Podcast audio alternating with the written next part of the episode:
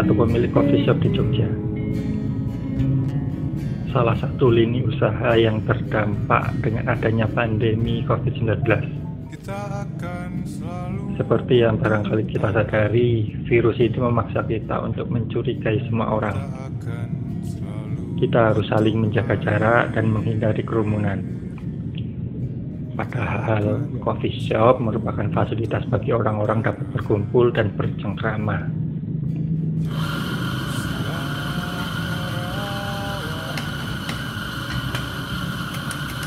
Jika kau masih cinta kawan dan saudara Jika kau masih cinta kampung halamanmu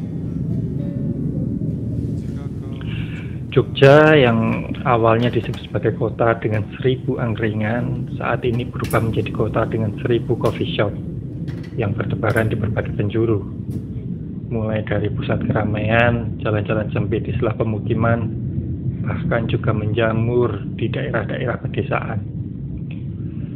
Fungsi angkringan sebagai tempat nongkrong digantikan oleh coffee shop yang lebih mengikuti tren. Perkembangan coffee shop sejalan dengan peningkatan jumlah mahasiswa yang mencari ilmu di Jogja. Dalam satu tahun, masa efektif coffee shop di Jogja beroperasi sekitar 8 sampai 9 bulan.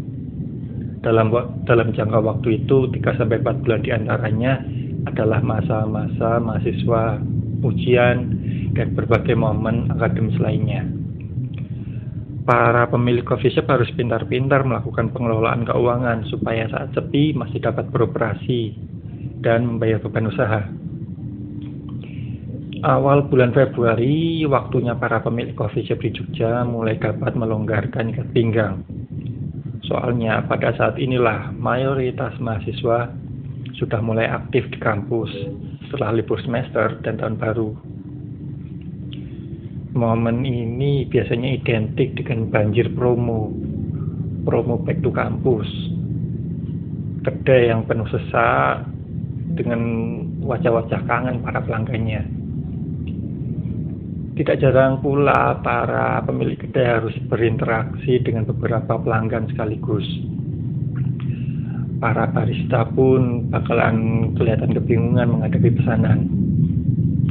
Ya, selain karena jumlahnya banyak, mereka juga harus mengingat lagi menu-menu setelah absen beberapa waktu. Tetapi, situasi ini membuat rutinitas itu berubah COVID-19 menyerang berbagai lini perekonomian. Salah satunya coffee shop yang pada dasarnya bahkan bukan kebutuhan sekunder maupun tersier.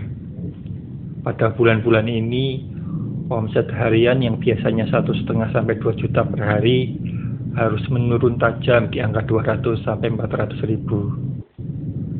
Oh ya, uh, coffee shopku bukan coffee shop yang besar aku masih terlibat aktif dalam pengelolaan kafe. Bahkan sesekali aku masih mengendal bar sendiri. Beban sewa tempat usahaku juga sangat fleksibel, sehingga biaya operasionalnya cukup minim. Dengan omset itu, biasanya aku sudah mendapatkan cukup keuntungan.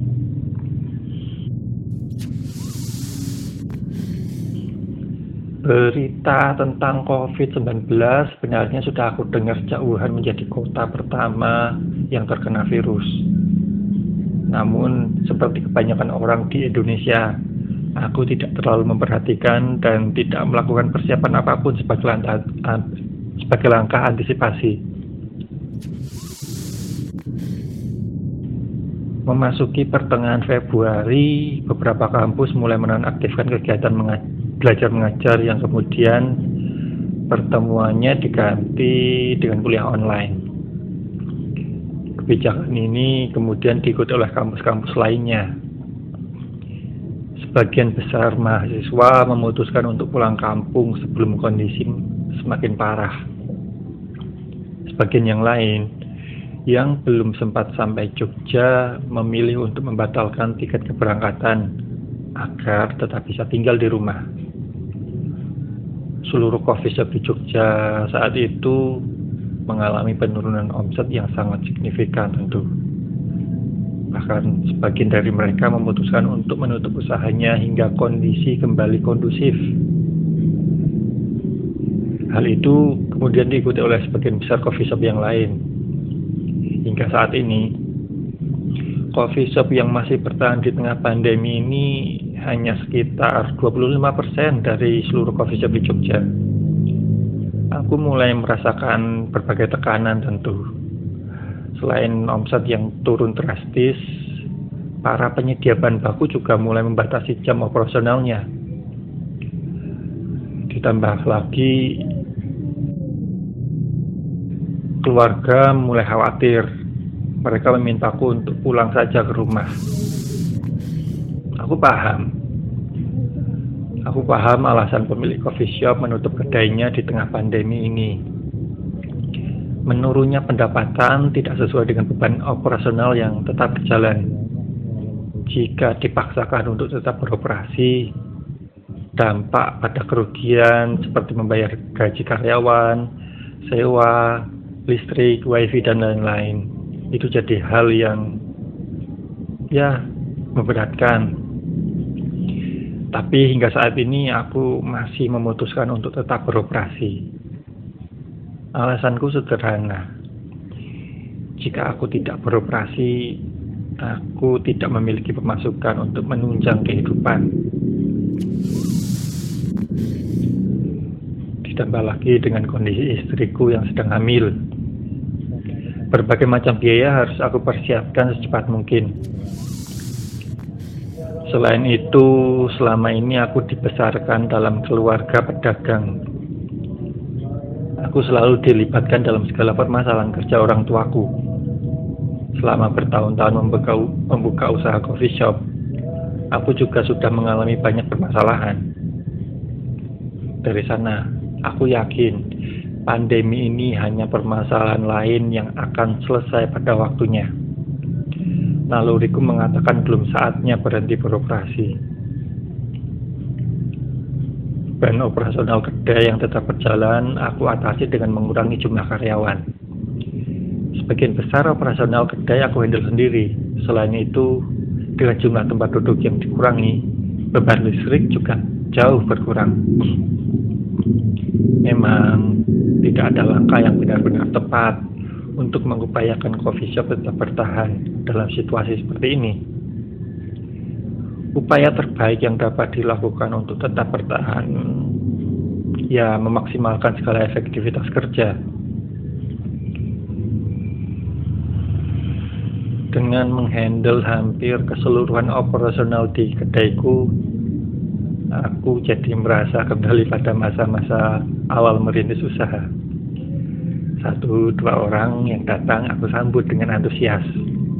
Penyampaian informasi mengenai menu begitu mendetail dan kedekatan secara emosional dengan pelanggan kembali terbangun. Ini hal-hal yang tidak pernah berjalan baik dalam kondisi ramai pengunjung. Ternyata ada sedikit kerinduan yang muncul dari sana. Sebagian besar yang datang pada masa pandemi ini adalah orang-orang baru yang tidak tahu lagi mau ngopi di mana. Karena tempat biasanya mereka ngopi saat ini sedang tutup. Aku melihat ini sebagai peluang. E, mungkin bukan untuk saat ini, tetapi setelah masa pandemi ini berakhir bersikap reaksioner terhadap situasi sekarang bukan sesuatu yang tepat untuk dilakukan. Sikap terbaik yang bisa aku lakukan mempersiapkan lagi untuk waktu mendatang. Eh, menurutku pandemi ini tidak akan benar-benar berakhir. Yang ada, masyarakat mulai terbiasa hidup bersama dengan virus ini. Pola perilaku mereka akan berubah yang belakangan disebut dengan the new normal. Jika bumi memerlukan waktu untuk istirahat, begitu pula kedai kopiku. Saat-saat seperti ini adalah waktu yang tepat atau terbaik untuk merenungkan kelayakan usaha kopiku. Bisa jadi usaha kopiku itu tidak lebih layak dari jualan ayam geprek atau mie ayam jika pemasukan yang didapat itu sama, sedangkan dari modal dan resiko jauh berbeda. Dengan segala perjuangan bertahun-tahun dan di tengah persaingan, ada beberapa hal yang di luar kendali. Sesuatu yang sudah di, sudah bisa diprediksi, namun belum tentu bisa aku temukan solusi yang tepat. Sejak awal aku mendirikan usaha, memang tidak pernah ada kesepakatan secara formal tentang penggunaan tempat dan memang tidak pernah ada masalah karena pemilik tempat usahaku adalah teman dekat yang sudah cukup akrab sejak lama. Kami saling support satu sama lain untuk mengembangkan usaha ini. Namun di tengah pandemi ini semua lini usaha terdampak. Semua orang mengalami kesulitan ekonomi. Saat ini temanku baru saja memiliki anak dan biaya usaha, biaya hidup yang ditanggungnya jauh lebih besar. Belum lagi untuk menutup hutang kebutuhan persalinan dan upacara-upacara adat Jawa yang beragam, ya sama seperti aku. Dia juga menggantungkan hidupnya pada coffee shop yang sedang kami kelola ini. Sangat susah untuk mendapatkan penghasilan lain di tengah kondisi seperti ini. Dengan berat hati, dia memutuskan untuk menyewakan tempat coffee shop ini kepada orang lain yang mau menyewa dengan harga jauh lebih tinggi. Sebelumnya sudah ada beberapa orang memang berminat untuk menyewa, namun tidak dilepaskan dengan pertimbangan ingin mengembangkan usaha ini lebih jauh. Tetapi realita berkata lain, dan mungkin ini menjadi titik balikku untuk mengakhiri cerita di dunia kopi.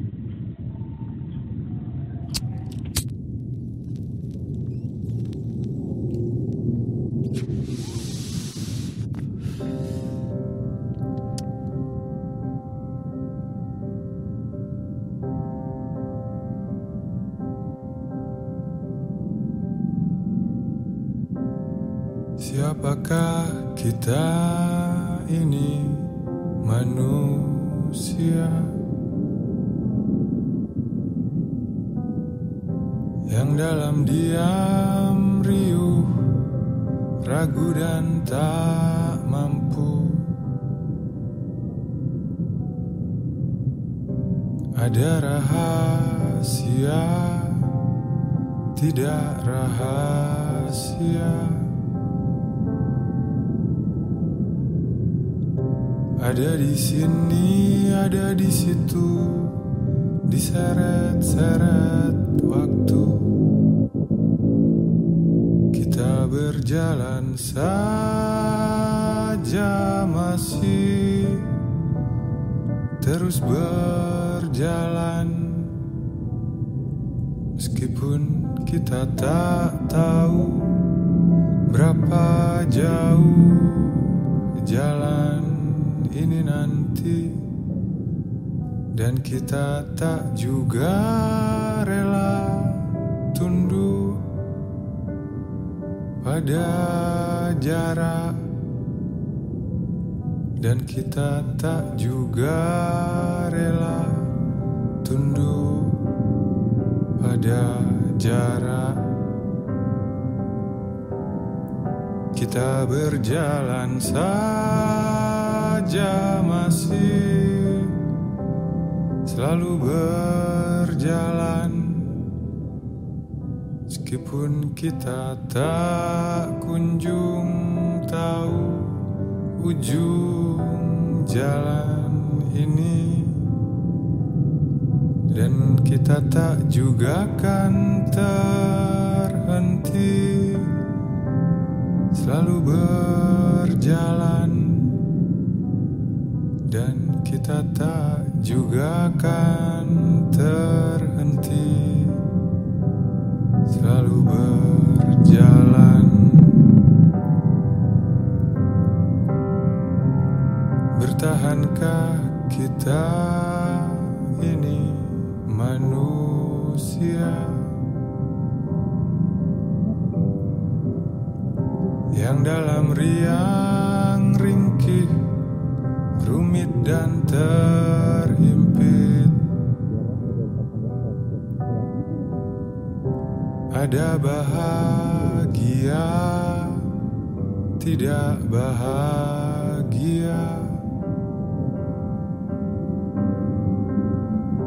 Ada di sini ada di sana ditikam-tikam rasa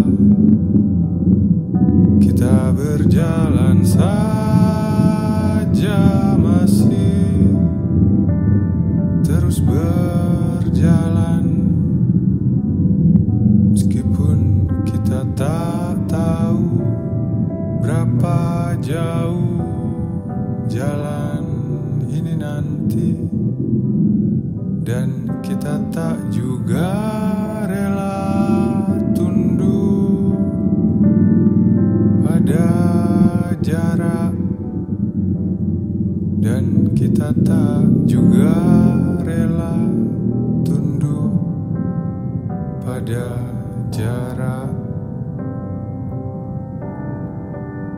berjalan saja masih selalu berjalan. Meskipun kita tak kunjung tahu ujung jalan ini dan kita tak juga kan terhenti